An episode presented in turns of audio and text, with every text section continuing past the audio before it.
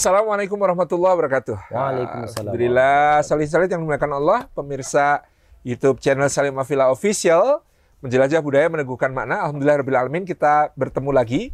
Kali ini di suasana halaman belakang dari pesantren masyarakat Merapi Merbabu. Kita berada di gubuk ngaji ya yang biasa dipakai oleh adik-adik kita santri untuk menghafal Al-Quran, untuk talaki, untuk kemudian uh, murojaah, ya sambil menikmati suasana yang sangat syahdu. Kalau kami menghadap ini sebenarnya ke arah Gunung Merapi, cuman karena sedang tertutup kabut, ya kita sambil lihat aktivitas adik-adik kita di belakang itu sedang uh, berlatih panahan ya, uh, insya Allah menjadi salah satu bekal ya ke terampilan jasmani juga yang perlu perlu dimiliki sesuai dengan sunnah Nabi Shallallahu Alaihi Wasallam. Nah si samping saya mungkin uh, banyak yang belum kenal ini sudah hadir seorang tokoh yang sangat penting di pesantren ini karena beliau adalah pengarah utama gitu ya. Iya. Pengarah utama di pesantren masyarakat Merapi Brababu. Karena kalau tidak diarahkan beliau bisa tersesat gitu ya. Yaitu diarahkan jalur lalu lintasnya. Karena beliau Pak Muhammad Saiful Basya ini yang biasa ya memang beliau senang sekali kalau pegang setir itu sangat enjoy ya. Sama dengan kalau saya pegang uh, keyboard nulis buku gitu ya. Statusnya uh, muncul dari dalam hati memang kecintaan di antaranya untuk mengarahkan para ustadz gitu ya.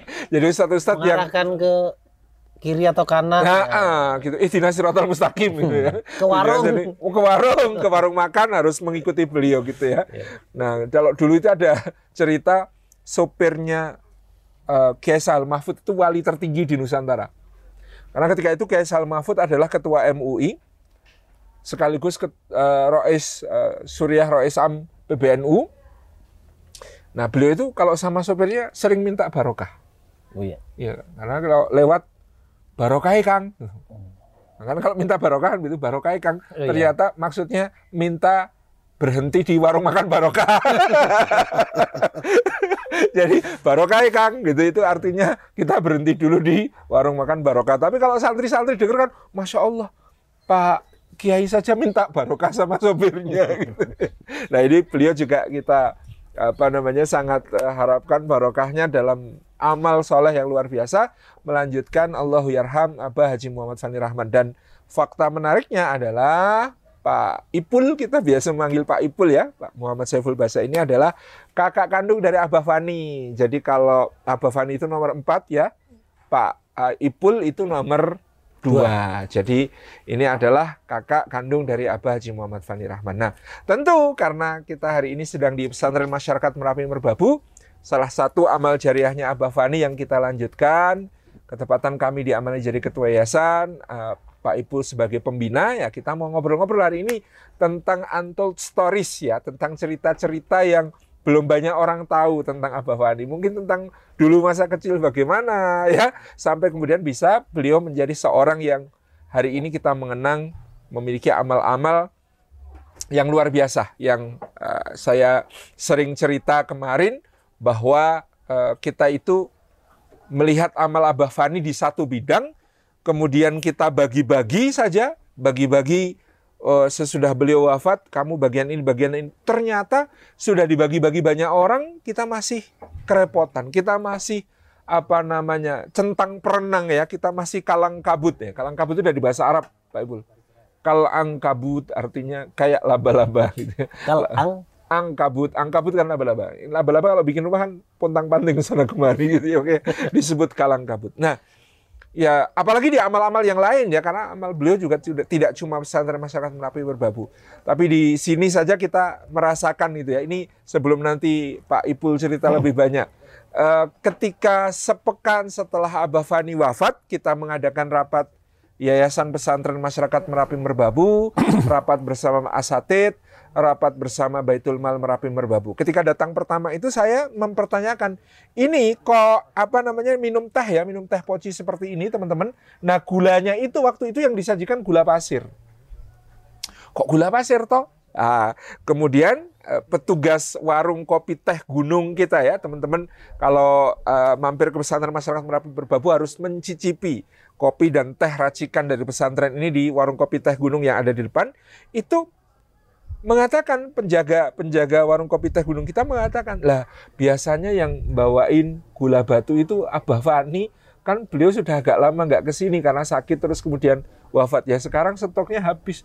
Masya Allah ya sampai soal gula batu stok saya beliau perhatian luar biasa. Makanya habis itu langsung saya berusaha untuk bisa membawakan juga eh, apa namanya eh, gula, Gula batu. batu. ya gula batu seperti ini kemudian kemarin juga ternyata eh, notanya warung kopi teh gunung habis ternyata selama ini juga yang mencetak adalah Abah Fani gitu ya oh banyak hal-hal kecil yang kadang-kadang luput dari perhatian ternyata adalah satu hal yang sangat beliau perhatikan. Nah, nah, kita ini mau tahu ini seperti apa dulu beliau Abah Fani bertumbuh, bagaimana beliau kemudian eh, menjadi seorang eh, kalau di Jogoran jadi ketua pengajian anak ya.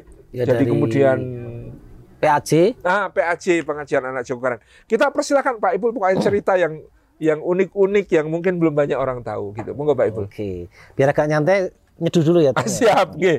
Ini cepet sekali dingin di sini. Jadi kalau minum panas, diniati minum panas, memang di sini kalau sudah disajikan harus segera diminum, teman-teman. Karena apa? Ya, karena memang kita berada di ketinggian sekitar 1100 meter di atas permukaan laut, ya sehingga kemudian memang cukup cepat dingin ya semua hal yang ada di sini. Apalagi sore-sore begini. Ini anginnya dan kabutnya sudah turun, anginnya sudah terasa Ya, sangat di- dingin. Kayak di studio dingin. Iya, iya kayak di studio, nggak perlu AC. Nanti kalau pada nginep di sini jangan protes, tolong AC-nya dimatikan, tolong AC-nya dimatikan ya kalau malam-malam.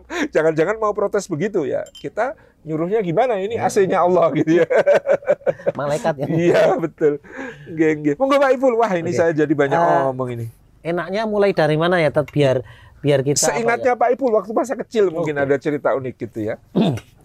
kalau eh, tadi kan waktu awal-awal saya sempat nunduk ya, maksudnya memang masih terasa apa ya? Beliau masih bersama Ya kita gitu, masih kehilangannya nggak karena nggak lepas gitu. apa ya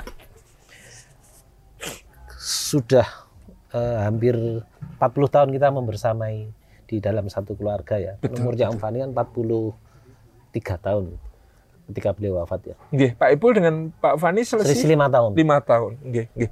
Berarti ketika Abah Fani lahir, Pak Ipul sudah balita ya? Iya, Nggih, ketika lahir itu di rumah sakit di dulu di rumah sakit Mangkuyudan Oh, rumah sakit bersalin sekarang Iya, iya. dipakai untuk stikes itu ya? oh, oh, Poltekkes atau Oh, apa Poltekkes, Stikes betul. apa? lupa Iya, saya iya, iya. sekolah kebidan itu Poltekkes kebidanan betul. Nggih. dulu di situ lahir saya eh, sama kakak itu kalau nengok saya nyebutnya Om Fani kita aja ya Nggih, nggih, nggih. Fani lahir di situ itu ya naik sepeda Oh, sudah naik sepeda. naik sepeda ya. Allah. Allah. diboncengin kakak Dari Jogokarian dari Mangkuyat. Kurang Iya, lebih iya. kan nggak nyampe satu kilo ya Nggih, nggih, nggih. naik sepeda nanti di rumah sakit saya masih ingat ya lahir di situ kemudian karena selisihnya ini lima tahun jadi saya itu kalau main ya gendong adik yang satu tahun dua tahun itu masih kita ajak main keluar itu ya gendong Gendong ya? ngomong biasanya Ngomong, betul. eh, kita Antara. Pak Ipul dengan Abah Fani ada satu adik lagi ya, adiknya Pak Pak Ipul ya. ada putri Putri eh, Ya. Mbak Mbak Icang ya. Ica, ya. Nggih, nggih, nggih. jadi eh, selisihnya lima tahun itu jadi saya sempat membersamai untuk gendong itu masih ingat betul Hmm. jadi kalau saya ajak main keluar ke Hmm. kampung-kampung itu ya nggak jauh-jauh ya ya kita gendong Mm-mm.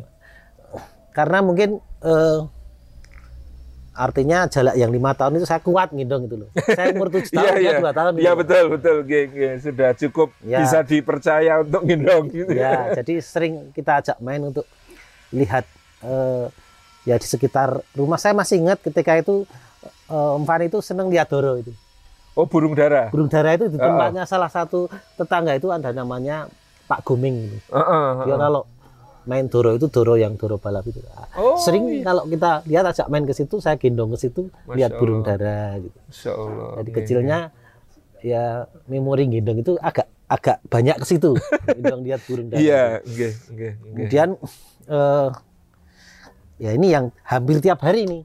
Ketika masih umur 2 tahun mungkin tiga tahun ini eh, Om Fani ini kalau kita sekeluarga kalau mau bubuk itu kan di depan TV itu. Heeh, heeh. Nah, kebetulan Om Fani itu kalau bubuk duluan mesti.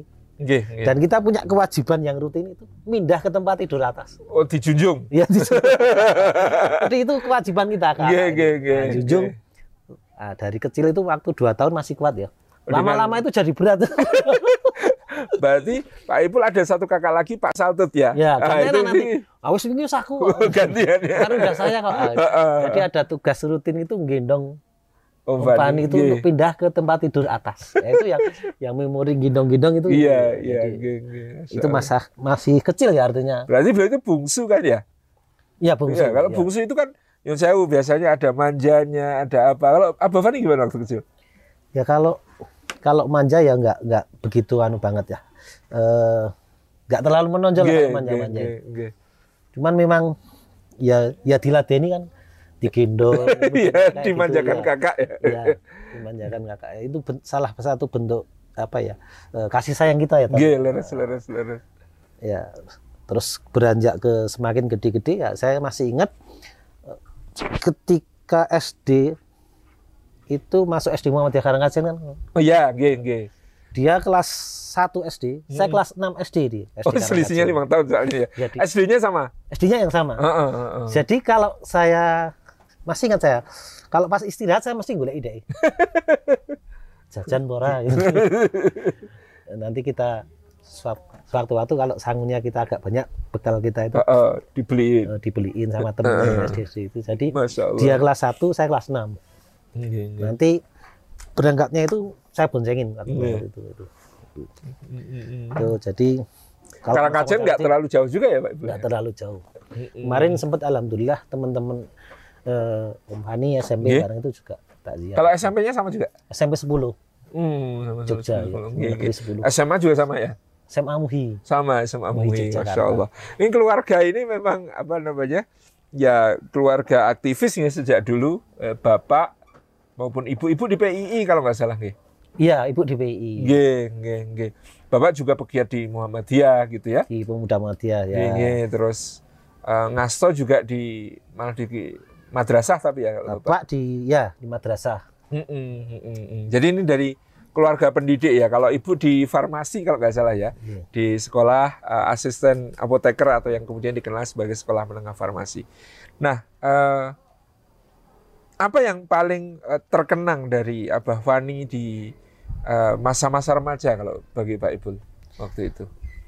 ketika beranjak jadi remaja ini yang saya betul-betul apa ya yang se- sebenarnya yang saya tangkap dari Om Fani itu Nggih, kan di dinamika di Masjid Jogarian nggih. itu ada beberapa ustadz memang yang eh, beliau itu yang istilahnya yang gosok Hmm, gosok bagaimana remaja ini mempunyai idealisme yang kuat ya. nggih. dalam apa saja Hmm, dalam dia bersekolah iya. ada yang gosok sendiri ustadz kemudian yang untuk Bidang organisasi, organisasi ada sendiri. Kemudian yang huruk-huruk ada sendiri.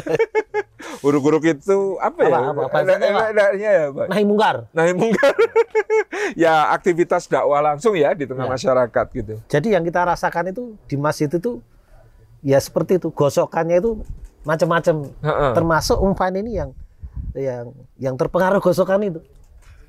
Baik mungkin di rumah sudah digosok, kemudian di masjid digosok lagi. Ge, ge, ge. Sehingga mungkin teman-teman kemarin sudah sempat eh, waktu manaket ya. Iya, iya, iya. ge. Itu spontan cerita-cerita teman-teman itu memang benar seperti itu. Modelnya begitu. Kayak saya pengalaman ya itu. Jadi eh, agak malu tapi juga bangga gitu ya diboncengkan Abah Wani satu saat gitu ya. Eh, saya seingat saya waktu itu saya malah kelas kelas 3 SMA kalau nggak salah gitu. Karena kegiatan masing-masing diboncengkan terus kita berhenti di lampu merah. berhenti di lampu merah di sebelah kita mohon maaf ada eh, apa remaja putra dan remaja putri eh, boncengan motor terus tangannya si remaja putri ini masuk ke saku jaketnya remaja putra terus ke depan kayak melakukan aktivitas yang mencurigakan gitu ya terus Abah Fani itu teriak Astagfirullah tangannya gitu kan. Nah dia kan pakai helm nutup muka gitu ya, helm cakil istilahnya. Saya pakai helm ciduk, helm yang kemudian cuma atas itu. Jadi wajah saya kelihatan. Kita mau malu tapi ini nahi mungkar gitu ya. Umpannya- umpannya aman ya? Nah beliau aman. ya sudah, nggak apa-apa. Ini pengalaman gitu ya. Ya mungkin tentang nahi mungkar ini kalau di Jogarian Nggih, nggih. memang agak menonjol ya. Gitu. Gosokan dari itu kan mudah untuk istilahnya membentuk idealisme ya. Betul, betul. Dari waktu kecil mungkin dia masih SMP kalau nggak salah. Heeh, heeh. Waktu SMP ini sudah kita ajak untuk ngerebek perjudian Masya Allah. dari kakak. oh, kakak saya, kakak Altut. Mas Altut. Saya ikut kebetulan di satu RW saya, blok namanya kan. Blok. Itu ada perjudian yang memang kita dikabari dan siang itu hebatnya itu Siang Ini bolong. siang bolong nggih. ada Oh, pakai kartu atau pakai Pakai kartu. dadu? Oh, kartu ya. kartu atau dadu ya saya lupa Nggih. dan informasi dan ternyata kita grebek kita bubarkan ya ya masuk ke ruang itu dan Oh. Ikut kayaknya Masya Allah. dan itu kan nahi mungkar ya tadi Iya, betul, betul. Nggih, nggih. ternyata pilihan nahi mungkar itu eh, untuk membangkitkan teman-teman untuk gabung ke istilahnya kegiatan remaja masjid itu cukup efektif Girohnya dahsyat. ya. Iya. Nggih, akhirnya kan melebar apa nahi mungkarnya itu tidak hanya level kampung ya Nggih, nggih. Nah, itu mungkin alhamdulillah semangat nahi mungkar ini membersamai besarnya Om Fani. Oke, oke, oke, oke, nggih. Nah, saya juga dapat yang menonjolkan Om Fani kan enggak Iya. Sewu tidak tidak mustad banget nih. Enggak, Ah. beliau itu low profile bahkan sering mengatakan pokoknya saya nggak mau jadi tokoh, nggak mau yang ada di panggung, nggak mau tampil, nggak mau tampak gitu ya. Tapi ya itu kalau aktivis nahi mungkar nomor satu di depannya, termasuk dulu Mas Ahid cerita bagaimana naik motor berdua dikirain mau diajak ke mana ternyata ada demonstrasi teman-teman yang berideologi bau-bau komunis gitu ya. Itu tiba-tiba turun dari motor langsung takbir Allahu Akbar bubar yang demo itu ya. Jadi jadi memang Mas ya, itu sisi- ya? Mas, ceritanya Mas Ahid luar biasa tentang Abah Fani waktu itu. Nah. Oh, itu waktu kita di jalan satu di Jogja. Nggih ada kebetulan ada kita naik mobil Mm, mm, mm. kemudian ada uh, kendaraan yang ngangkut babi itu. ya Allah nggih nggih nggih Nah, kita kan deketnya Heeh. sama Om di kata-kata dipancing benesu itu loh.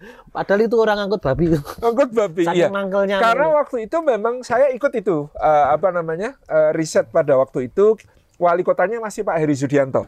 Jadi kita dapat data bahwa konsumsi babi di kota Yogyakarta seharusnya adalah itu hanya sepersepuluh dari jumlah daging babi yang dipotong di RPH. Bayangkan. Jadi itu kan ya? parah. Jadi karena kebutuhan konsumsinya cuma 10% dari apa yang selama ini dipotong dan disediakan. Kan kita jadi curiga bahwa ini ada yang dioplos, ada yang kemudian di apa namanya si di, dilabeli sebagai daging sapi, masuk ke nyuwun sewu ke soto, ke bakso dan lain sebagainya. Itu kita takut sekali. Makanya waktu itu ya mungkin Abah Fani jengkelnya luar biasa sama yang apa namanya ber apa berjualan babi hidup ketemu di jalan. ketemu di jalan ini. Dan beliau itu eh, amar ma'ruf ini juga luar biasa. Jadi tidak pernah ya eh, orang minta-minta di jalan itu beliau nolak, selalu ngasih. Dan ketika ngasih selalu ada pesan-pesannya. Ampun kesupen sholatnya ya mbah, jangan lupa sholatnya gitu ya, jaga sholatnya dan lain sebagainya. Itu itu saya selalu ingat kalau bepergian bersama beliau pasti ada eh, ketika memberi orang itu pasti ada pesan-pesan seperti itu gitu. Ya. Iya. Mungkin kalau eh, kilas balik lagi eh, untuk berkegiatan ini Om Fani semangat sekali. Nggih, nggih. Artinya berorganisasi. Betul, nggih. Nah, jadi yang kita rasakan memang eh, tumbuhnya kepemimpinan dari situ belajarnya Dari organisasi dari ya. organisasi. Mbak, sejak kecil ya dari ketua pengajian anak ya. Ketua pengajian anak jadi Hamas itu Nggih, nggih, berubah jadi Kemudian Hamas. ketua remaja masjid, Betul, nggih. kemudian ketua takmir, Mm-mm. akhirnya sampai akhir hayatnya sebagai anggota Dewan Suro. Di Jogokarian. Di level itu di kampung level ya? kampungnya Jogokarian itu uh, on the track banget karirnya ya dari kecil sudah pemimpin terus sampai kemudian dewasa, sampai kemudian bahkan sampai akhir hayat. Jadi ya saya ingat betul satu hal yang juga sangat menonjol dari beliau itu supel ya. Bisa nyambung sama siapa pun. Bisa apa namanya ngobrol sama siapa pun. Bisa kalau kita melihat ya teman-teman di pergerakan Islam Nyun Sewu karena berbeda organisasi, berbeda ormas, berbeda pilihan politik ya, eh, berbeda harokah katakanlah begitu. Kadang-kadang ada kekakuan-kekakuan tertentu. Tapi kalau ada Mas Fani cair, bisa nyambung, bisa eh, gatok ya istilahnya Eh, karena ya kekuatan beliau itu salah satunya kekuatan interpersonal itu. Kadang-kadang guyon ya guyonnya itu tapi menyambungkan gitu ya bikin suasana cair termasuk yang luar biasa adalah kalau misalnya imam-imam Palestina datang nah, Abah Fani itu setahu saya kan nggak bisa bahasa Arab gitu ya. Kalaupun tahu kosakata ya tidak terlalu banyak gitu ya. Tetapi ketika dengan para syekh ya, dengan para uh, hafid Quran dari Palestina, dari apa namanya Lebanon, dari Jordania, dari Suriah, itu ngobrol itu bisa nyambung. Ngobrolnya pakai apa? Ya wes embuh pokoknya bahasanya betul-betul bahasa hati, bukan lagi bahasa Bisa bahasa guyon ya, lisan, bisa guyon.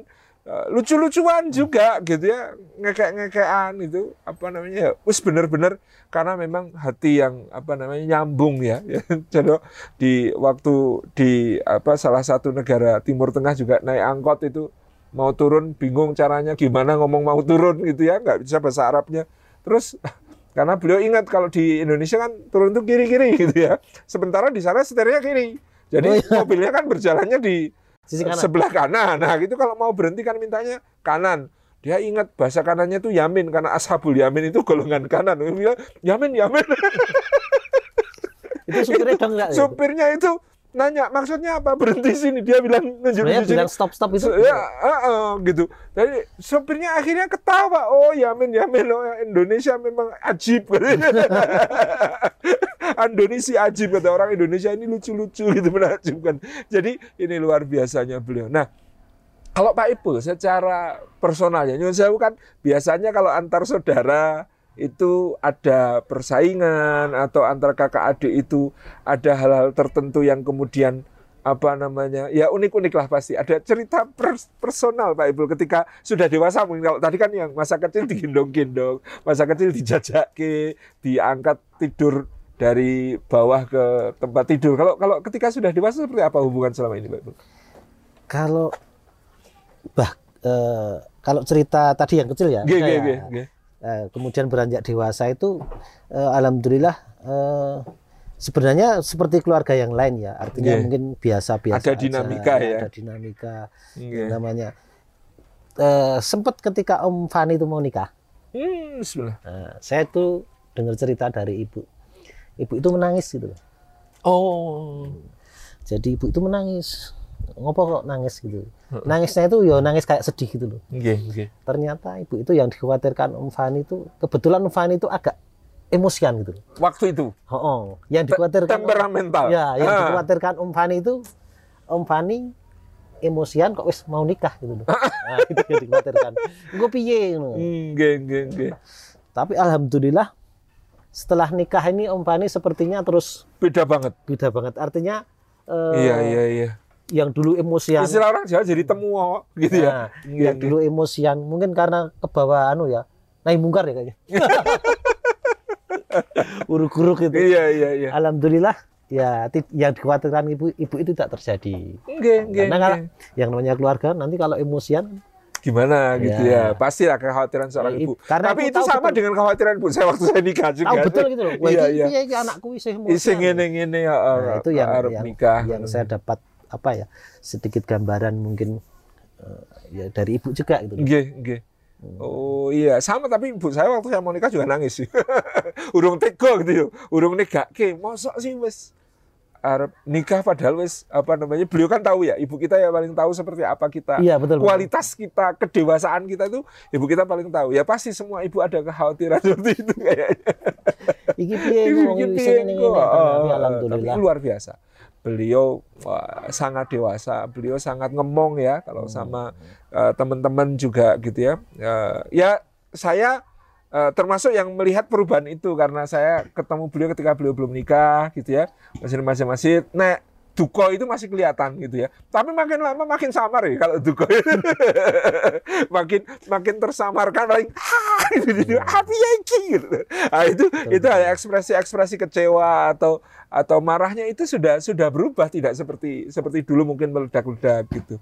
Itu yang menarik juga geng geng geng geng nah kalau dulu kayaknya Pak Ipul sama Abah Fani ya saking kompaknya sebagai kakak adik pernah bikin bisnis bareng. Oh iya iya. Ya ada ceritanya itu. Seperti apa itu? Emang eh, agak sama. Saya antara eh, kakak nomor satu, kemudian eh, saya dengan Fani itu passionnya yang hampir sama itu saya dengan Om Fani.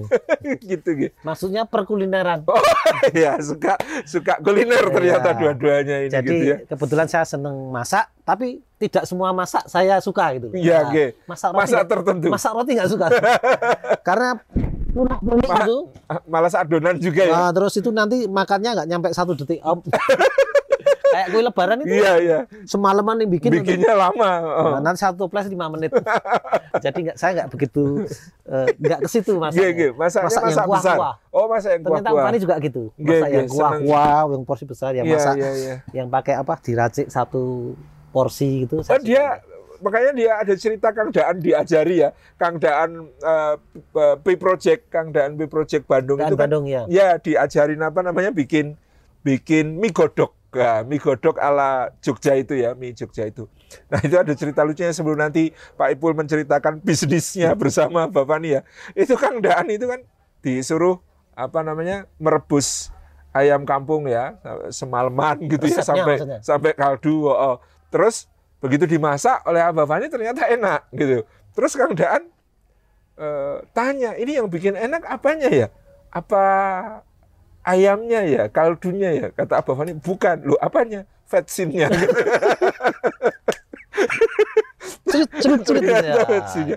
Nggak itu bercandanya. Beliau juga, oh ada Kang Daan, teman saya di Jogja buka bakso sehat tanpa micin. Nah, Bakso sehat tanpa vetsin. Terus Kang Daan tanya, wah Masya Allah, laris ya mas? Ya enggak, bangkrut. Jadi guyonannya itu suka apa ah, istilahnya anak stand up komedian punchline-nya itu dapat banget gitu ya. Oh, iya, Itu itu apa? Nah, soal bisnis kulinerannya itu ceritanya gimana, Pak Ibu? Itu tahun 95-an lah, lupa saya. Masih 94. kuliah? Waktu Iya, itu? masih kuliah. Oh. Dia kan kuliahnya di 96, Mas. Oh, malah malah masih SMA berarti? Iya, masuk UGM Masya 96. Allah. Nggih, nggih. Kayaknya masih SMA. Kemudian saya kan sudah sudah pasca kuliah ya waktu itu Ya, saya udah D3 selesai, D3 iya. dulu kan. Nggih. Terus pengen wirausaha. Karena dulu waktu kuliah itu sering nyelenggarain seminar wirausaha, entertain, Heeh. nyelenggarain eh, Entrepreneur. entrepreneur. entertain keliru. Ketika keluar lulus itu kan semangatnya masih itu. Heeh, heeh. Tapi berarti kalau teman-teman yang terus ngelamar itu nggak konsisten ya. Oh iya. Oh sering ngadakan seminar. Seminar kok entrepreneur sekarang kok. mau jadi karyawan. Nah iya, saya termasuk yang konsisten. Idealis waktu itu. Bikin. Pengen usaha yang usaha yang satu bidang dengan hobi saya Nggih, kuliner masak. itu bikin anu warung tapi siangnya untuk kantor gitu. Kita ngontrak itu. Heeh, heeh. Yang Jadi siangnya, hanya beroperasi malam warungnya. Iya, siangnya untuk tempat biro jasa, Oh. Ngurus STNK dan lain-lain. Itu juga Pak Pak Ipul yang jalan. sama empat orang. Oh gitu. Jadi siang malam orang. bisnisnya Ah. berarti Pak Ipul nggih. Nggih. Termasuk Om Fani itu tak ajak nih kan bawang kotong. Gitu. Kita nggak tahu apa-apa. Empat orang itu yang kelima Om Fani. Oh iya. Tapi iya. dia kan istilahnya ya elon-elon. Masih anak SMA ya. kan ya. Nggih, nggih. Nah, siangnya ini untuk biro jasa, malamnya warung itu kita depannya itu untuk warung Mm-mm. tengkleng. Iya, iya, iya. Nah, kalau Om Fani ini Teman-teman tahu tengkleng ya? Tengkleng itu dari balungan ya? Dari balungan apa? Eh, kambing ya? Betul, nggih. Nah, itu terus gimana jalan bisnisnya waktu itu? alhamdulillah itu Om Fani juga ikut di tengklengnya. Mm-mm. Nah, kemudian eh, alhamdulillah berkembang waktu itu jadi empat cabang. Wah, sampai punya Jogja, cabang? iya. Wah, luar biasa. Itu di Itu Suryawijaya, nama apa mereknya? Konco Pawat. Konco Papat. Iya. Oh. Karena dari empat empat sahabat. orang, nggih, Nah, empat sahabat. Jadi warung tengkleng Konco Papat. Konco Nggih. Papat. Nggih, terus Akhirnya berkembang dan saat itu terus karyawan Eh, berapa Pak Ibu waktu itu? kayak kita tandangi sedikit. Kalau karyawan masing-masing warung itu sekitar dua. Oh, nggih. Tadi kalau apa masing-masing menghandle satu itu Konco Iya betul Papat. betul. Iya. Akhirnya menghandle satu-satu. Jadi itu Pak Ipul, Pak Fani terus Pak Rial, Pak Saltut, Pak Agung. Pak Rizal, Pak Satu, Pak Agung. Oh, Masya Allah memang kampiun semua di perbisnisan kuliner itu. Nggih, nggih. Nah, terus kisah suka dukanya di bisnis itu? Ya setelah itu kan mulai jaya, Oh, oh. tapi kita eh, nggak tahu sebabnya apa. Kira-kira kalau dicari sebabnya itu mungkin karena anu juga. Waktu itu terus harga tulang jadi mahal. Oh, naik bahan baku naik. Bahan baku naik itu naiknya tidak hanya naik tapi berlipat-lipat. Oh. Karena banyak yang jual dengkleng. jadi ternyata dari dulu hidangan yang dilirik sebelah mata jadi Iya. jadi Nggak ada sesuatu yang harganya kan tulang dulu. difavoritkan. Tahu-tahu jadi mahal, jadi kita eh, mau jual yang dulu satu porsi 6.000 jadi nggak bisa. Hmm, tapi di situ memang apa ya bakat bisnisnya Abah Fani kelihatan. Pak Ya, alhamdulillah kita dari kecil itu sering diajak bapak nganter kacang bawang. Oh, oh, masya Bapak Allah. ibu itu punya bisnis lain selain ngantor itu usaha kacang bawang. Saya pernah ngerasain kacang bawangnya enak banget memang bikinannya sehari ibu 10 gitu. kilo itu dulu. Nah kalau bapak ibunya Abah Fani dan Pak Ipul itu kacang bawang, kalau bapak dan ibu saya kacang telur. Oh, Dulu waktu saya masih SD itu nitip ke sekolah, nitip ke mana, nitip Ayo, sama, ke mana. sama. Oh iya sama gitu. Jadi dari kecil diajak mulai dari beli kacang mentah, kemudian Mm-mm. yang gosok itu memang ada karyawan. Gosok Iya, ada. iya, iya. Sampai nitipkan ke, ke warung ke toko-toko. bikin kacang bawang itu nggak mudah itu, biar terkelupas kulitnya bersih dan lain sebagainya ya. gitu. Nah, kemudian eh, Pak Ipul mungkin tahu waktu awal beliau mendirikan Proyu cetak-cetak gitu. Nah, itu eh, sama Pak Nur itu ya awal. Ah, Pak Nur Hardianto, Masya oke. Allah. Jadi itu cuman bermodal karena dulu aktif di apa media masjid itu apa? Nggih, koran buletin. koran Ya. untuk perubahan kubah Nah, korannya remaja masjid yang gitu. mengelola eh, apa buletin masjid. Tiap nggih. Idul Fitri kan terbit itu. Oh iya iya, nggih. Akhirnya terus kepengen ngelola sebuah percetakan itu. Jadi sudah ngerti seluk beluk percetakan Nah. ya waktu itu nggih. Akhirnya di kamar tamu Nggih. Di Jokaran 35 itu. Oh iya di rumahnya itu, Bapak nggih. Udah ditaruh komputer satu yang LX 300 atau berapa lupa saya. Oh, anunya printernya kalau LX ya. Lupa saya. Cuman satu Nggih. eh, komputer jangkrik itu. Nggih, nggih. Nah, alhamdulillah itu di ruang tamu itu bikin kalender, buku yasin, Undangan nikah. undangan nikah, nah, itu terus mulai berkembang percetakannya semakin lama semakin maju. saya Nggih, lihat itu. nggih, nggih, nggih. Akhirnya pindah di Itu sebelah padahal di itu. sambi kuliah ya waktu bisnis. di sambi kuliah sama Pak Nggih, Nur itu. nggih. Ini luar biasa teman-teman. Jadi memang apa nah yang ngasah ngasah eh, kemampuan entrepreneurship-nya itu luar biasa dari sejak tadi jualan tengkleng pindah ke cetak-cetak ya. Saya tuh inget banget itu enggak tahu yang usil itu yang desain iklannya atau siapa pas jadi sponsor di buletin sekolah saya itu ada iklan Proyu cetak-cetak sedia undangan dan orangnya Maksudnya calon calon mempelai gitu ya. ya kalau mau menikah, kalau mau menikah itu mau nyetak undangan Pak, lu calonnya siapa ini namanya? Ah satunya belum tahu gitu. Ya, akhirnya jadi penerbit. J jadi penerbit. Ya, Ya, sampai sekarang alhamdulillah Proyu Media itu. Betul betul betul. Kalau itu setelah pergantian dari percetakan menjadi penerbit saya sudah cukup apa namanya cukup intens ya ada di Joko Karyan dan ada di Media ya menyaksikan bagaimana transformasi dari cetak-cetak menjadi penerbitan buku ah, itu Nah, itu ada sejarahnya ya. sendiri nanti ada cerita-ceritanya sendiri di waktu yang lain nah terakhir Pak Ipul ini karena waktu kita juga terbatas eh setelah kemudian ya beliau ya punya kiprah luar biasa di berbagai amal di berbagai apa namanya eh, Organisasi. kegiatan dan organisasi ya kesan Pak Ipul tentang Abah Fani seperti apa waktu itu? Kalau apalagi setelah meninggal beliau itu. ya. Nggih, nggih. Jadi ternyata alhamdulillah eh, dari yang saya nggak tahu jadi tahu. Ternyata Malah gitu. ya mungkin ada yang sisi saya nggak tahu jadi Nggih, tahu. nggih, gitu. nggih, nggih. Artinya saya jadi terus bisa eh, punya banyak apa ya eh, teman-temannya Abah jadi akrab dengan kita, masya Allah. Nyambung ya. Nyambung. Alhamdulillah. Karena eh, luar biasa seperti saudara semua. Nggih, nggih. Keakrabannya itu eh, kadang nggak terduga itu, masya Nggih. Allah sudah seperti saudara dekat. Nggih, nggih. Nah, itu yang saya rasakan. Dan Kemudian, memang semua orang yang pernah berhubungan dengan beliau, meskipun dalam periode-periode yang singkat, itu selalu berkesan bagi mereka. Makanya ini rame ya pesantren kita akhir-akhir ini tamu berdatangan terus ya luar biasa.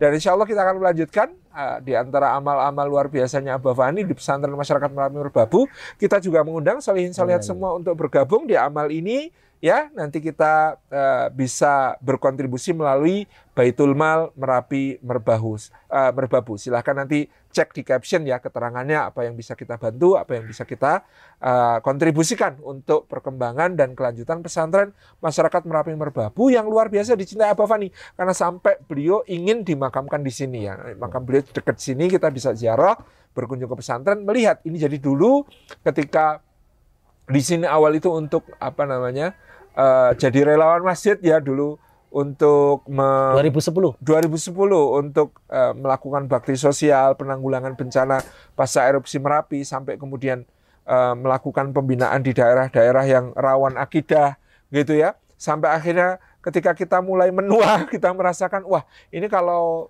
kita terus turun begini uh, tidak ada yang membackup yang lebih mudah kita khawatir nanti putus. Nah, akhirnya kemudian didirikanlah pesantren ini sebagai tempat untuk mengkader dai-dai yang siap diterjunkan ke seluruh pelosok Indonesia, insya Allah untuk membawa cahaya eh, dakwah Islam. Nah, matur Pak Ibu atas berkenan rawuh bersama kita di Mafilah Official menjelajah budaya meneguhkan makna.